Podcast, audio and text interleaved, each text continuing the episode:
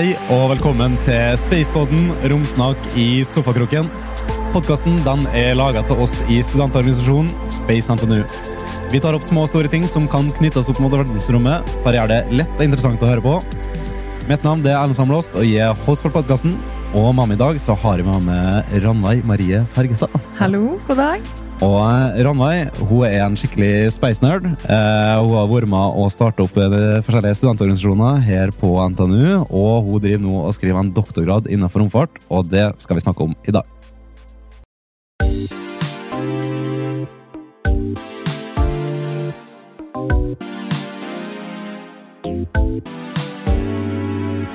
Ja, så jeg tenker vi kan ta en liten sånn reise gjennom livet ditt. Så vi kan jo starte allerede litt med den spiren. da. Altså, Når Mm. var det du starta liksom, kom inn i romfartet, eh, rett og slett? Jeg tror jo, som sikkert mange andre, så var jeg jo veldig interessert i stjernehimmelen og sånne ting da jeg var liten, men jeg kan ikke huske jeg var noe voldsomt eh, rominteressert som i hvert fall ungt barn. Så tror jeg ikke jeg var noe utmerket eh, rominteressert, for jeg hadde egentlig ingen i familien som jobbet med det. Det var ingen jeg visste om i nær krets som jobbet med det, så det var egentlig ikke noe jeg ble eksponert for i noe særlig stor grad. Mm. Men jeg var jo interessert i matte, fysikk, realfag på ungdomsskolen videregående, så jeg valgte jo på en måte studiespesialisering, realfag, og visste jeg ville i den retningen. Kan jeg Um, relatere veldig til det. Altså, jeg var sånn, jeg hadde ikke sånn familie og venner som var veldig sånn rominteressert, men det var liksom en liten fascinasjon der, og det var som sagt ja, realfagene som var mest interessant da, eh, Mm. på skolefronten. Ja, så jeg husker jo, i hvert fall jeg begynte på videregående, så visste jeg jo ikke helt hvor jeg hadde lyst til å ende opp, men jeg visste at det skulle være realfag og ingeniørvitenskap og den retningen der, da. Ja. Men det som virkelig endret det for min del, var da jeg fikk en mail fra fysikklæreren min Mm. om at det var en sommercamp på Andøya som det var mulig å søke på, som het European Space Camp. Mm. Eh, og da fikk jo jeg plutselig øynene for at det her, må jo, det her må jo være noe. For jeg likte veldig godt det astrofysikk-delen av fysikk 2, og syns, ja, fysikk 1 er det vel, og Mm. syntes det var veldig spennende. Og tenkte at det her, det her er et eller annet som Det her burde jeg søke på. Det var en skikkelig sånn gnist da, som Mm. ble avfyrt da. Ja, og jeg ante jo ikke at det fantes en rakettoppskytingsbase i Norge på den Mm. tidspunktet. Det var jo helt nytt for meg at vi Ja. hadde det i Norge. Så jeg googlet meg frem og søkte og krysset fingrene, og så fikk jeg heldigvis en plass. Så den sommeren mellom VG2 og VG3, da var jeg på Andøya. Og det endret nok ganske mye av retningen på resten av livet. Skikkelig sånn veiskille. Veldig, Mm. veldig. Hva var det, sånn, bare kjapt da, liksom, hva var det dere gjorde på den eh, campen? Så det er jo en uke langt, og det er da, vi bygger jo en rakett i løpet av den uken. Så Mm. det er jo ganske likt det, fordi ja, det er de har jo ulike programmer for både ungdomsskole, videregående og universiteter. Ja. Og da bygger man en rakett i løpet av en uke, skyter den opp til ca. 10 km. Så har man forelesninger, vi har inviterte forelesere fra både Norge og utlandet. Og man får snakke med de som jobber på Andøya, man får gå nydelige turer i flotte naturen på Andøya. Så man blir jo helt frelst av å, av å besøke Andøya. Ah, det, men det er veldig bra at jeg har sånne tilbud. da, du, eh, for det, Når du får liksom plutselig bare å ta på en rakett og bygge den sjøl, så skjønner jeg at det inspirerer veldig. da. Absolutt. Og jeg fikk være i bunkeren under oppskyting også. Så Åh. jeg var en av to personer som fikk sitte og snakke over intercomen og trykke på knapper og gå ut til launchpads og det Er det sånn avfyringsknapp på Mm. Var det du som fikk trykke på den nå? Nei, så jeg ikke, jeg hadde ikke den rollen, men jeg hadde payload manager-rolle. Okay. jeg var da med og sørget for at uh, raketten kom seg trygt ut, og alt var i god, god stand. Så da var det mellom VG2 og VG3. Mm. Så da begynte du allerede da begynte å søke på hva du skulle søke på NTNU og sånne ting, eller eh, var det bare en lite frø som var på det tidspunktet? Ja, jeg, jeg snakket jo mye med de som, eh, de som jobbet på Anja, de som organiserte campen, og også de andre deltakerne. Med mye Mm. hva tenkte de, hvor hadde de tenkt å studere, hvilke retninger gikk de. Mange av de gikk jo på NTNU, så jeg snakket jo med mange av dem og vurderte litt hva som kunne passe for meg. Mm. Eh, Jeg ble også med i det organiseringsteamet, og var med å organisere campen i fem, ja, fem år. Så Ok, såpass. Fikk en god der, men det var absolutt mye inspirasjon da fra For den, på den campen så er det jo ikke bare norske, det er jo folk fra hele verden. ja akkurat Mye fra Europa, men også noen fra, fra over hele verden. Så man Mm. får jo veldig inspirasjon fra hvordan ser det ut å studere romfart i Tyskland eller New Zealand eller USA eller Japan. Altså man får mye inntrykk da fra hvilke studieretninger er det som kan være spennende. Mm. Og så etter videregående, hvor var det du havna da?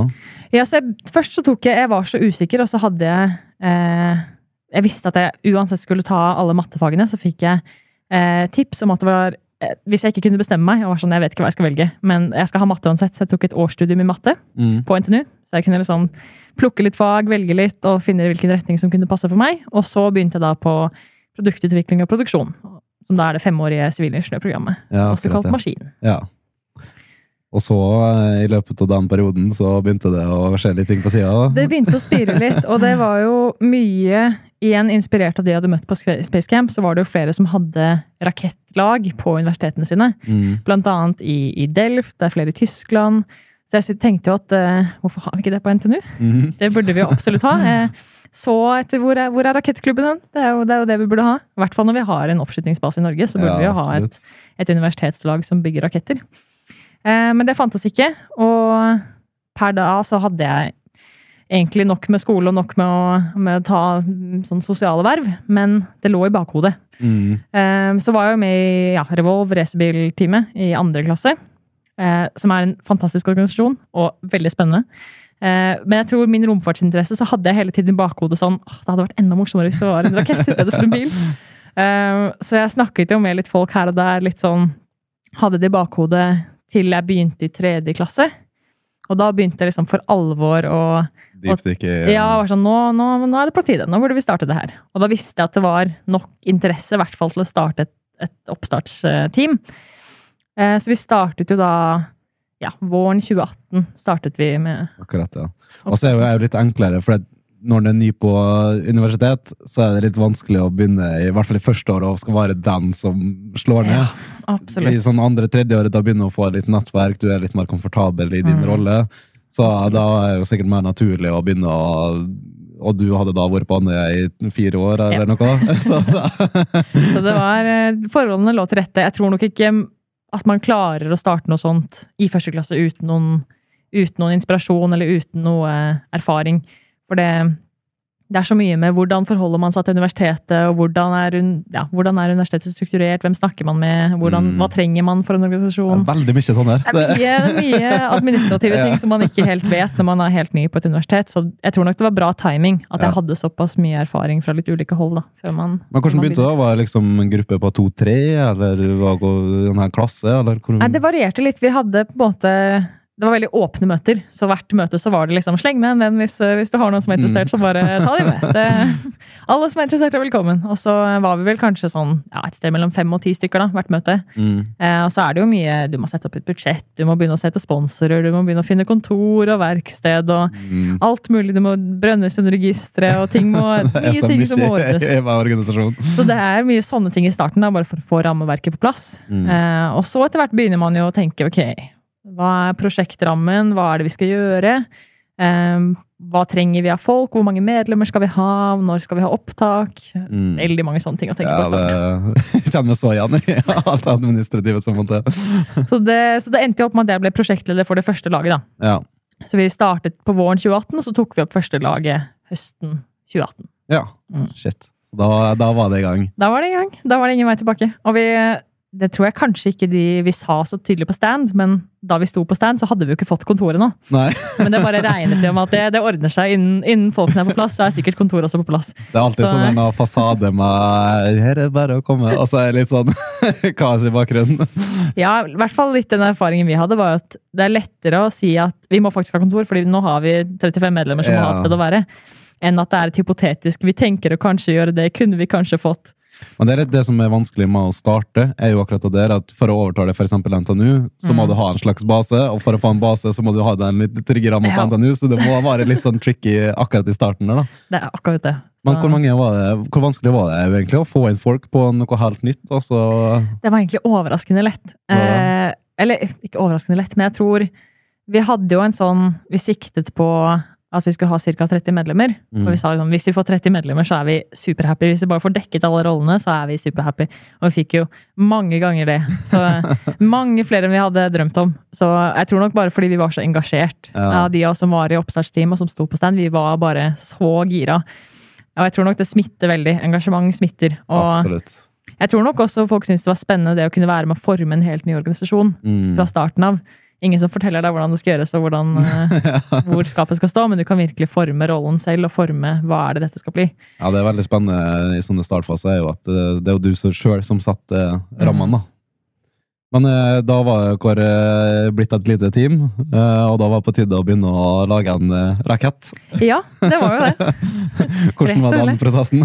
Nei, det er jo på en måte, når jeg ser tilbake på det, så er det jo litt kaotisk. Fordi man har jo et team av ja, folk som ikke har bygd rakett før, som skal bygge en rakett. Og Mm. det er jo litt armer og ben, og det er litt uh, Man prøver noe, og det funker ikke, og så må man prøve noe nytt, og så er det jo mye frem og tilbake. Men uh, det er jo rett og slett bare å Jeg tror så lenge man har motiverte medlemmer som har lyst til å bruke tiden på å sette seg inn i fagstoffet man trenger å kunne, Mm. så er det utrolig mye man får til, altså. Men det føler jeg med verv generelt også. Det er helt ufattelig med Jeg føler det er kanskje det som har gitt meg mest glede her på NTNU, er de vervene på sida av studiet. Mm. Altså, du, det er helt utrolig hva engasjement kan få til å bare sette sammen en gjeng, møtes på fritida, og så eh, underverket kan skje, liksom. Mm. Absolutt. Og jeg tror når vi ser tilbake på hva Propulse har blitt nå, så er jo det designet vi lagde første året, det er jo mange feil og mangler der som vi ikke så i det øyeblikket. Som vi ikke innså fordi hele laget var jo helt nytt. Mm. Og mange hadde jo på en måte null erfaring da de kom inn. Og vi hadde veldig lite å bygge direkte videre på.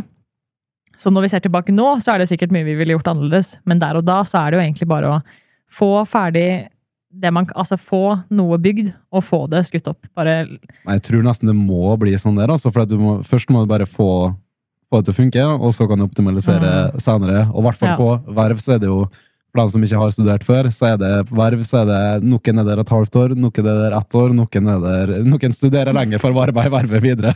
nettopp. nettopp. Så eh, når det er såpass hyppig eh, utskifting, så vil du gjerne få til noe i løpet av det ett semester eller to semester. da. Absolutt. Så Mm. Det, eh, hvor lang tid gikk det fra det første, eller til første oppskyting? Det var sommeren etterpå. Det var det var etterpå, ja. under et år, da. Åtte måneder omtrent. Oh. Fra medlemmene kom inn til vi skjøt opp raketten i New Mexico i USA. Så det var jo, Vi visste jo at det kom til å bli eh, hektisk, og vi visste at det kom til å bli sikkert ikke et perfekt design, men nå er det om å gjøre å få en rakett til pad, Mm. skyte opp, og vise at vi faktisk kan gjennomføre et prosjekt. Det er mye av det det handler om. Hvordan var det var dere rookies på eh, i USA der, eller hvordan var det opplevelsen av å delta for første gang? Det var jo veldig gøy, og heldigvis er det jo mange andre nye lag også. Ja. For den konkurransen var jo veldig eh, på en måte, Den ble jo større og større hvert år. Mm. Eh, vårt år var vel første de faktisk måtte velge ut lag, at ikke alle lagene fikk være med. Okay. Så interessen for konkurransen har jo blitt større og større hvert år. det kult, Så det er jo nye lag som kommer. Vi, jo, vi var absolutt ikke de eneste nye. Mm. Og jeg vil si den Litt av fordelen med å være med på den konkurransen, er at den er ganske eksperimentell. I at Mm. de lar det aller meste bli skutt opp. Ja. Fordi det er midt i en ørken, det er ingenting du kan skade. De har veldig flinke folk på stedet med gode sikkerhetsrutiner. Så om noe går galt, så går det helt fint. Så det er en plattform for å virkelig få prøve ut det man har bygd. Selv om de tror at det sikkert ikke går bra. Mm. Og Så- det er jo, òg litt det med altså Jeg er veldig sånn ild- ildsjel i forhold til det med verv. da. Jeg syns at det er sånn eh, Fantastisk mulighet før du går inn i jobb, da, eh, er å få hands on experience. Og så er jo det at du får teste ut kanskje du går et helt annet studie enn det du verver deg inn i, og så finner du ut shit, det her er nå vil jeg endre retning i forhold til hva jeg skal jobbe med. Og så nettverking og alt det der. Det er bare så fantastisk, da. Absolutt. Så eh, hvordan var den følelsen da, når du skulle stå på paden og det var fem minutter igjen til lunsj? Det var helt forferdelig. Jeg husker ingenting av de siste par minuttene før. Jeg tror jeg har helt sånn brain fog. Fordi det, det er på en måte åtte måneders arbeid som koker ned til et par minutter. Mm. Eh, og det er bare i hvert fall når du er prosjektleder og du, du har gått med liksom høye skuldre i flere dager i strekk og sovet lite. og Nei, det var, jeg husker virkelig veldig lite av det øyeblikket. Se for Eh, bare sånn noe filmsetting der det liksom tida stoppa, og du hører bare sånn eh, klokka tikka, og Ja, alle er her stille. sånn. Det var akkurat sånn. Så det er utrolig absurd følelse. Men, eh, Men var det en suksess? Første Jeg vil si delvis. Så Ja. vi fikk jo eh, Planen var jo å skyte opp til eh, 3000 meter. Og cirka da den var halvveis opp, så fikk vi da det som kalles shred, hvor den da begynner å disintegrere halvveis opp i flighten. Okay. Så cirka ved maks Q, altså maks aerodynamisk trykk, Mm. cirka da var det vi eh, så at den på en måte begynte å Så Og vi da begynner tror å spinne, liksom, eller eh, flippe seg og sånn? Ja, så det vi tror eh, skjedde, var at det var noe galt med finnene. At finnene ikke var stive nok, og at de begynte å eh, altså, vibrere, på en måte. Mm. Og det gjør raketten ustabil. Eh, og da får sensorene beskjed om at det er ustabilt, nå er et eller annet. Og så blir da raketten på en måte Nei, fallskjermen til raketten blir da Utløst, utløst. ja. ved maks hastighet omtrent. Dårlig, dårlig idé. Ikke, ikke det designet var. Eh, Så vi ser jo da på en måte fra videoen da, at den går veldig rett og fint opp, og så blir den ustabil, og så på en måte falt den ned fra ja, ca. halvannen kilometer. Ja. Men altså, Men det var liksom ikke Dere fikk jo skutt den opp, nettopp. og, den, og det er jo nesten bare bra at den faktisk løste ut fallskjermen, og at den ikke bare Altså det, det er på en måte Jeg vil si for organisasjonen så er det en suksess at vi kom dit, at vi fikk skutt opp, at vi fikk se hva skjedde. mm. Det som jeg hadde ansett det som en eh, som en på en måte failure, ville vært at vi ikke fikk skutt opp i det hele tatt. Mm. Det er det som ville vært en failure i mine øyne. Når det er et førsteårsprosjekt, så er det på en måte en seier bare det å komme dit og faktisk ha en rakett å skyte opp, og få gitt et godt forsøk. Og mange ting funket jo bra. Vi så jo at måte, den ble jo skutt opp ganske rett. Den var i hvert fall Så mange ting var som det skulle, og så er det som det er med raketter. da, Det skal bare én feil til før alt, eh, før alt blir feil. Mm. Så det er veldig lite rom for feil, og det er jo det som er veldig ulikt. Eh, og når jeg sammenligner det med året i Revolve, eksempel, Mm. med racerbilen, så var jo det en bil som vi testet i flere måneder før vi skulle konkurrere. Ja. Du kan kjøre testrunder i ukevis og optimalisere og fintune alle parametere. Men for oss, det øyeblikket vi skjøt den opp på konkurransen, det var den første gangen. Ja. Og den eneste gangen. Så du, du har lagt ned alt arbeidet du kan i å lage dette designet, og Men når du står der, så er det krysse fingrene og Ja, det, håpe på for du har ikke testet det før. Ja. Så det er jo akkurat det som er veldig spesielt da, med disse rakettkonkurransene. At det er første gang. Mm. Og det, det er Det presset gjør på. det jo Altså. veldig spesielt. Da. Du får jo den skikkelig gledesrush. Eh, Altså, jeg skjønner liksom, når du ser sånn NASA-klipper og alle jubler. og var litt sånn der noen følelse når dere det. Veldig, Ja. veldig. Så det ble fort en jubel, og så litt sånn oi, oi, oi, oi. oi. Uh, Hører på videoen òg, sånn oh. men jeg syns det var interessant da vi var på premieseremonien, så spurte arrangørene mm. om eh, lagene som hadde hatt en perfekt launch uten noen problemer, kunne rekke opp hånda, og da var det to lag av 120 som rakk okay. opp hånda. Så det er på en måte varierende grad da, av småting. Det kan være alt av småting til en sensor som ikke funker, eller kanskje fallskjermen blir utløst litt sent, eller et eller annet eh, ja. Altså, jeg føler jo Så- Alt med raketter er jo ekstreme versjoner av det vanlige. på en måte, Og som du sa, du får ikke testa det fullstendig før du står der på Mm. launchpaden og den skal bli skutt opp. ja, det. Så det er jo utrolig fascinerende. Og så er det veldig spennende da, å stikke til USA og samle gjengen. og Jeg ser for meg at det er et veldig artig opplegg. hele Veldig, veldig gøy. Og så er det jo liksom Prosessen er jo litt uh, mål også, i dette tilfellet. Så vi ser jo på medlemmene som produktet egentlig i større grad enn hva vi ser på raketten i seg selv. Mm. Så det viktigste Propulse gjør, er jo å lage skikkelig gode ingeniører. Ja. Fordi hvor ofte ellers får du virkelig satt teorien ut i praksis? Mm. Og uten å få testet det i full skala før, så skal du da dra til USA. Veldig fint å ha på CV-en. Jeg skjøt på rakett i USA. Ikke så dumt, altså. Nei. Så man ser jo også på, på den energien som var på konkurransen med alle lagene, at alle var jo i samme båt. Mm. Så alle har jo en veldig sånn eh, Man hjelper hverandre. Det er, det er miljøet på konkurransen. At alle ønsker alle vel. Alle ønsker at alle skal få bare Ja, få skutt opp, få gitt et forsøk. Jeg har jo ikke deltatt der sjøl, men jeg har jo snakket med mange som har vært med i Propulse og fortsatt er med, og alle sier jo at det, det er ikke sånn konkurranse, at det, det er veldig sånn snakke med hverandre, Mm. bli kjent med andre teams, og at det er en sånn samlepunkt at vi er der Ja. i lag. Det er ikke eh, gå og kutte ledninga til motstanderen og Nei, alle unner hverandre alt godt. Og hvis noen mangler et utstyr eller en del, så er det bare å løpe bort og låne. Så, og arrangøren også ønsker jo bare at folk skal få lov til å eh, lykkes, da. Og få lov til å gi det et forsøk og se hva som skjer. Og eh, Ja, utrolig godt da. miljø rundt i konkurransene. Hvor lenge var du i Propose? Propulse? Så jeg var der til da september 2019, omtrent. Ja, ok. Mm. Og så var det jo da Da hadde du allerede vært med å starte opp Propose, Propulse, som gikk eh, Ja. veldig bra. Nettopp. Og så begynte jo etter hvert å lukte borti noe Space NTNU. Ja, for det, Space NTNU ble jo født i løpet av det året. Mm. Så på den raketten som vi skjøt opp i USA, så hadde vi da en payload fra Orbit NTNU. Ja. da satellittprosjektet.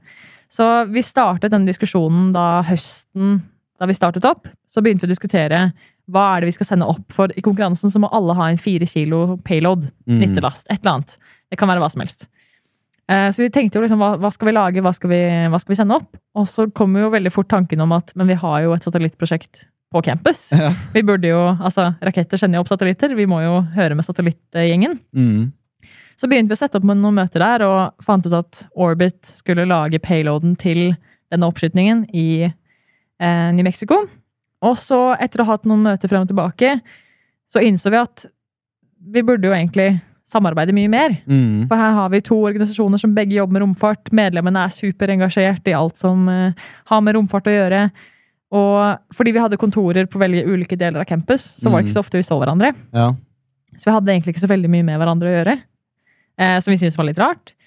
Og så er det jo mye man kan tjene da, på å skape en felles front ut mot NTNU-ledelsen, ut mot industrien, ut mot politikere, alt mulig sånt. Det å fremme romfart blant studenter på NTNU Absolutt. som et større prosjekt enn bare vi jobber med raketten og vi jobber med satellitten, men mer enn dette er romfartsmiljøet på NTNU. Ja, og vi, vi kan jo gå, komme litt tilbake igjen til senere, men jeg husker jeg var på et tidspunkt altså når vi som Space NTNU, der vi tok med all, For det er enkelte ting der som Til større gruppe du er, til Mhm. enklere, større slagkraft har du. Mm. Og det var jo da det var um, øh, Husker du spesifikt hva sak det var? Det var På Stortinget så Mm. var det at vi skrev en sakliste, og at vi Mm. var studenter på NTNU, og at det var veldig imot øh, en endring som skulle øh, skje. da, Mm. og mm. Sånne ting så er det veldig viktig at den står sammen da, og er på har et fellesskap. Mm. Ja, så vi deltok jo på det ja, i, Da vi bare var noen måneder gamle, organisasjonen, så deltok vi jo på en stortingskjøring da, og representerte studentene i romfarten, rett og slett. Mm. Og det, det å kunne ha en, en plattform da, rett og slett der det er faglige diskusjoner, det er sosialt, det er vi, hva, hva er det vi trenger og ønsker? Hvordan skal vi gjøre romfaglig utdannelse bedre i Norge? Mm. Det, det, det er veldig bredt spenn, men vi fant jo ut at det her bør jo egentlig være en egen organisasjon. For det vi også fant ut, var at eh, de som er ledere i Orbit og Propulse, de har egentlig mer enn nok med å lede respektive organisasjoner. Ja. Hvis de i tillegg skal drive romfartspolitikk i Norge, så blir det, og ha eksamener og fag, så blir det litt mye. Så det er derfor vi fant ut at det burde egentlig være en egen organisasjon. Og ja, så burde man heller ha et eget styre, eget, egne medlemmer der, Mm. som jobber måte, dedikert til det, da. Enn, Mm. at, enn at to personer skal sitte og gjøre altfor mye arbeid alene. Og hvor mange var det hvor i starten der, da? Ja, så i starten så Var det lederne i det representerer Ja, så I starten så lagde vi et styre som besto av to styremedlemmer fra Orbit og to fra Propulse. Eh, og det var litt det vi fant ut av, at det ble litt mye, for vi hadde jo mer enn nok å gjøre alle fra før av. Ja. Så vi fant ut at eh, til de styrene senere, så fant vi ut at det var egentlig bedre at de som var ledere i Space NTNU, og som hadde styrestillinger der, ikke også ledet medlemsorganisasjonene. Mm. Så mye, mye ting man lærte det første året. Men, eh, men at det var lurt å ha en felles møteplattform, det tror jeg er veldig lurt. Og i tillegg så er det jo viktig at eh, Space NTNU skal være åpen for alle, ikke bare de som er med i Orbit eller Propulse. For Mm. selvfølgelig, tekniske verv tar masse tid, og det er mange som er kjempeinteressert i romfart uten at de nødvendigvis har et teknisk verv Mm. innen romfart. Og det, det, og det er litt uh, min bit kommer inn, da. Eh, jeg begynte vel i Orbit Ja, jeg, jeg- kom hit på førsteåret, i 2019. Og da var jo den effekten altså jeg, jeg hadde jo aldri Eller jeg var kanskje i Trondheim en gang. Kjente ingen på eh, studieretning og var bare åpen for alt. Og første som møter meg på im- immatrikuleringsdagen, er rakett. Vi skyter på raketter, og så ser de Orbit, vi lager satellitter. Og jeg var full overtenning. Og jeg kom jo inn i Orbit, og det var jo der jeg etter hvert ble dratt inn Jeg tror det var høst Nei, det var 2020, tror jeg. Eller Mm, høst mm. eh, eh, I hvert fall ganske tidlig. eh, Vi var ganske nye eh, da, vi, da jeg ble med. Og da var det fortsatt folk og diskuterte liksom, hva er det Space NTNU Mm. skal holde på med, og Mm. hva er det vi, vår oppgave er. da. Um, og da kom vi jo fram til det med at det foregår mye teknisk. Uh, vi må ha et sånn slags knutepunkt. da. Uh, og, uh, og så kom jo koronaen, selvfølgelig. Eh, selv om det er sånn kjedelig podkastprat rundt det, men det var det podkasten ble grunnlagt. Mm. Eh, vi eh, fant ut vi kan ikke kjøre event nå. Mm. Eh, Starta opp podkasten, og det ble rett og slett en suksess. Og resten er historie for podkasten. Absolutt. Mm. Men da var du på begynt på masteren? Ja. Ja. Eh, ja, det stemmer. Mm. Mm. Mm. Og hva masterretning var det du hadde begynt å rette deg inn på da? Mm. Så jeg hadde jo gått spesialiseringen som heter industriell mekanikk Ja. på maskin. Eh, så det er jo da, og under det igjen, beregningsmekanikk, som da går på modellering, simulering, styrkeberegninger, den biten av, eh, ja, av maskinutdannelse, rett og slett. Så um, jeg hadde jo blitt litt inspirert da jeg gikk i andre klasse, faktisk. Fordi da hadde vi en ansatt på NTNU, eh, professor, eh, Kevin Ford, som er tidligere NASA-astronaut. Oh. Så han eh, foreleste på, eh, på NTNU, og veiledet en masterstudent om modellering av kollisjoner med romsøppel. Ja, akkurat det. Og da var jeg bare andreklassing, så jeg var veldig tidlig, lenge før jeg skulle velge master selv, men jeg syntes det var en utrolig kul oppgave. Eh, og da jeg selv begynte å spisse meg inn mot spesialisering, så tenkte jeg at det her må jo være drømmeoppgaven. Fordi ja. det er ikke så mange andre romrelaterte prosjekter på den retningen jeg hadde valgt. Men det her virket som en perfekt, eh, ja, en perfekt oppgave for meg. Mm. Så jeg spurte jo han som var veileder for den oppgaven tilbake i 2017, da jeg gikk i andre klasse, så spurte jeg er det mulig å få lik oppgave eller på samme tema. Ja. Eh, og det var mulig. Selv om eh, Kevin Ford ikke jobber på NTNU lenger. Han eh, bor i Houston nå. Mm. Men han eh, var da ekstern veileder, sammen med også en veileder jeg hadde fra ESA. Mm.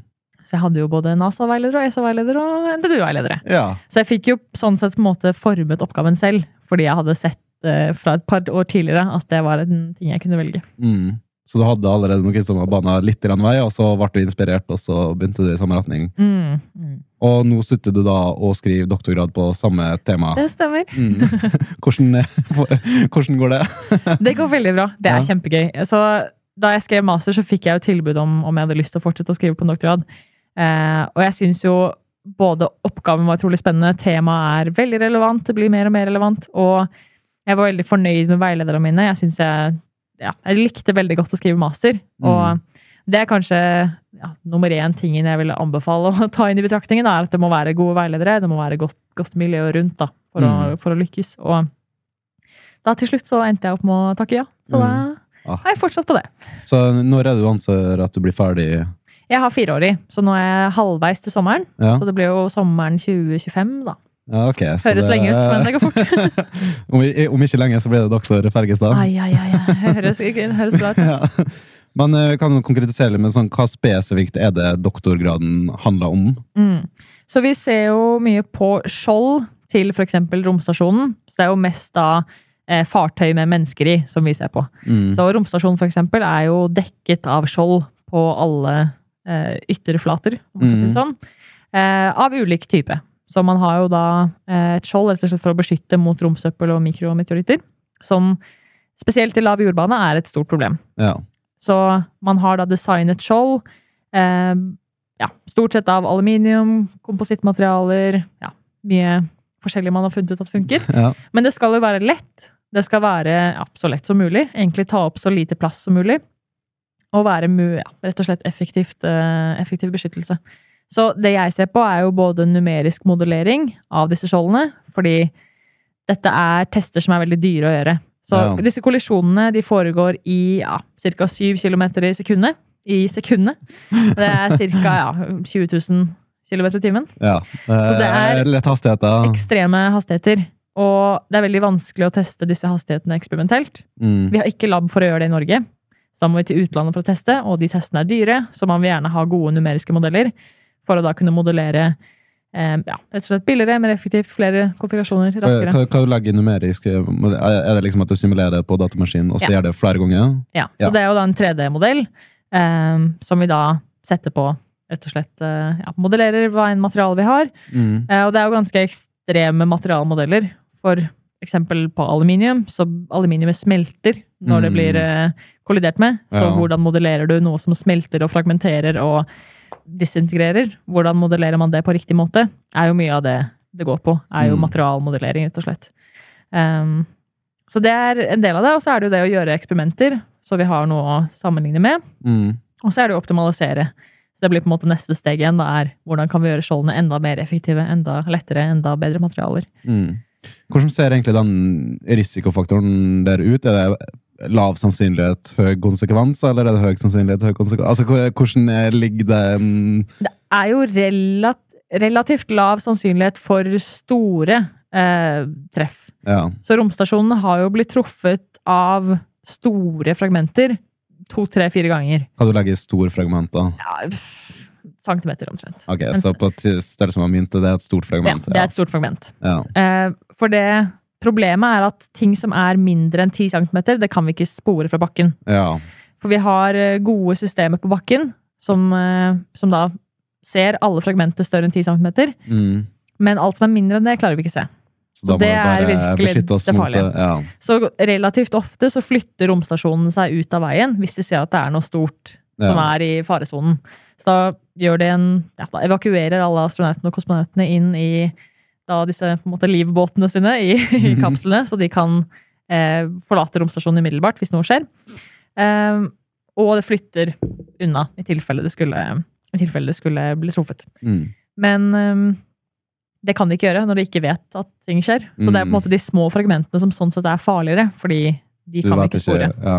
Og man ser jo på utsiden av romstasjonen, for de har jo eh, Det er jo ofte på, på romvandringer, da, Mm. spacewalks, at de ser og tar en inspeksjon av den yttersiden av romstasjonen og ser at det er massevis av veldig små krater. Mm. Så disse veldig, veldig små, altså støvkorn omtrent, de treffer jo altså flere tusen i året. Men er det rett og slett bare støv og standpartikler, eller er det biter fra andre satellitter og romraketter? Veldig mye forskjellig. Okay. Det er en komposisjon av masse rart. Det er blant annet eh, gamle satellitter eller rakettdeler som har hatt brennstoff igjen, Mm. som eksploderer.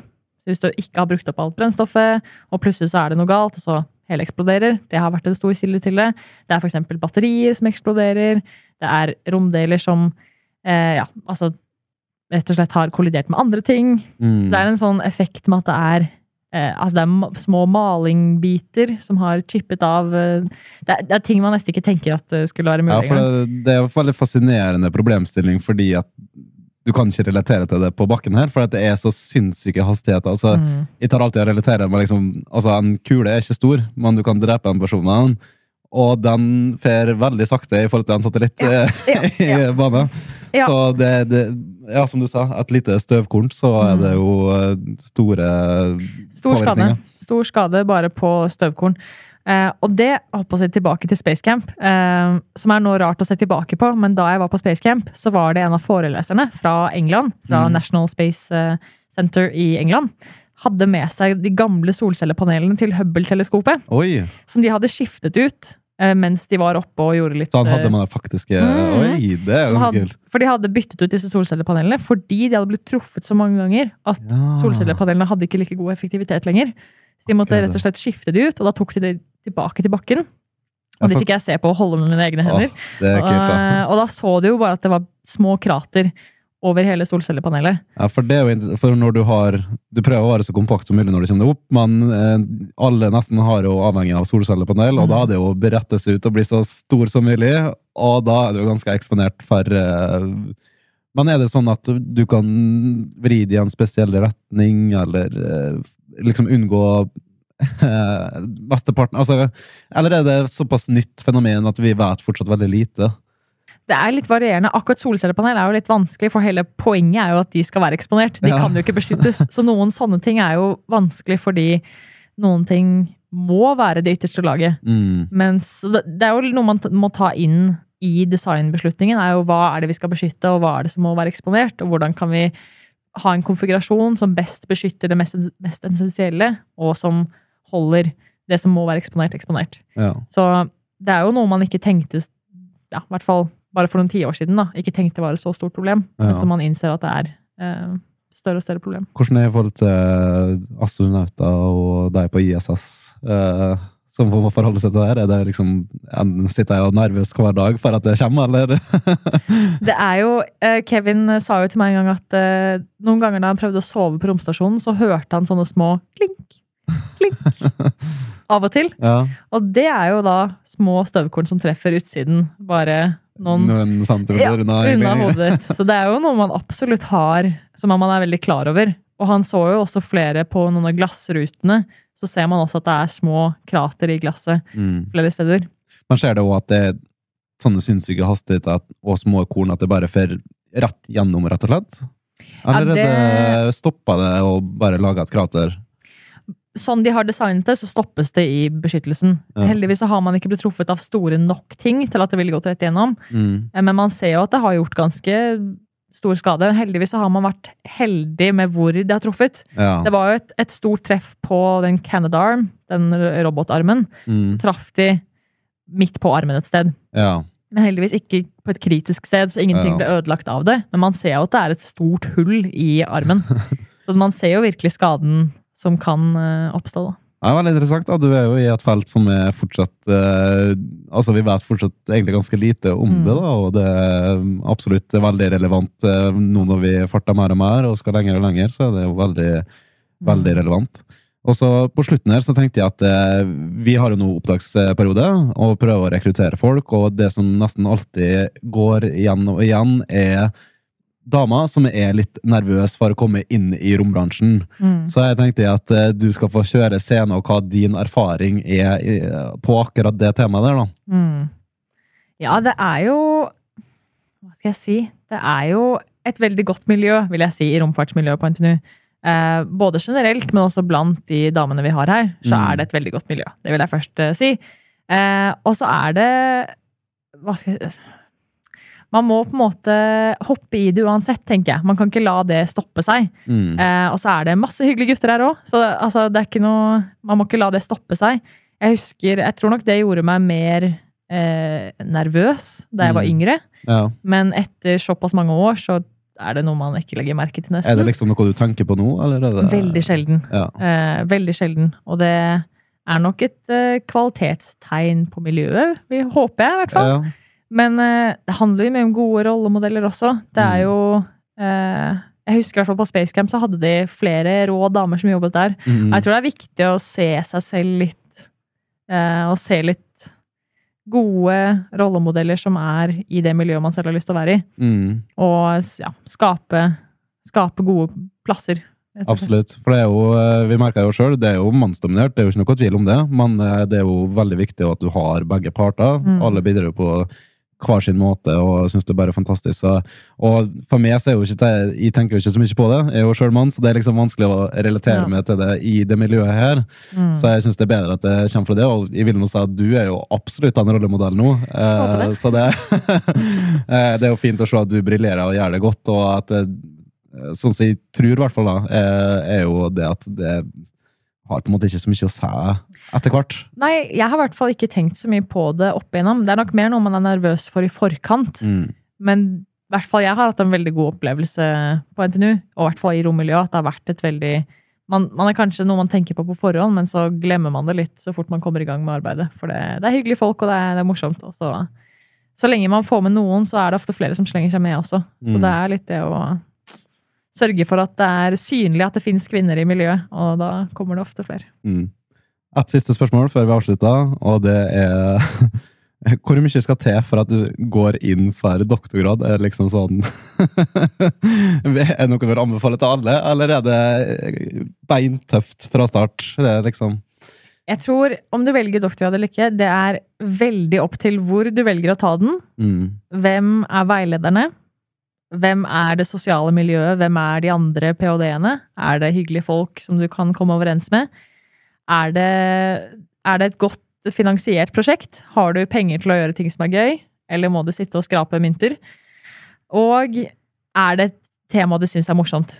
Eh, så vil jeg også si at ph.d. i Norge er veldig annerledes enn ph.d. i mange andre land. Ja. Um, I Norge og på NTNU så er det som en helt annen vanlig jobb. Mm. Det er en åtte til fire. Det er ingen som forventer at du vier hele livet ditt til det. ja. Eh, og man har gode rettigheter til å ha et liv ved siden av. Mm. Så jeg tror inntrykket jeg hadde av ph.d. før jeg valgte det selv, var at jeg hadde hørt mye fra USA eller England, Mm. hvor du egentlig bare er liksom en arbeidsmaur og helt overarbeidet og ikke har noe liv. Men det har ikke vært min opplevelse i det hele tatt. Jeg får reise masse, jeg har god balanse mellom arbeid og fritid. Jeg har kjempehyggelig miljø med både veiledere og, og de andre ph.d.-ene i gruppa, så jeg har syntes det har vært en, en kjempegod opplevelse så langt. Mm. Så jeg tror det er Man må ta flere, flere ulike faktorer inn i betraktningen, men jeg har hatt en kjempegod opplevelse. Mm. Ja, men eh, Så fantastisk at du kom hit i dag, egentlig. Og jeg ønsker deg veldig lykke til videre på reisen i doktorgraden. Tusen takk.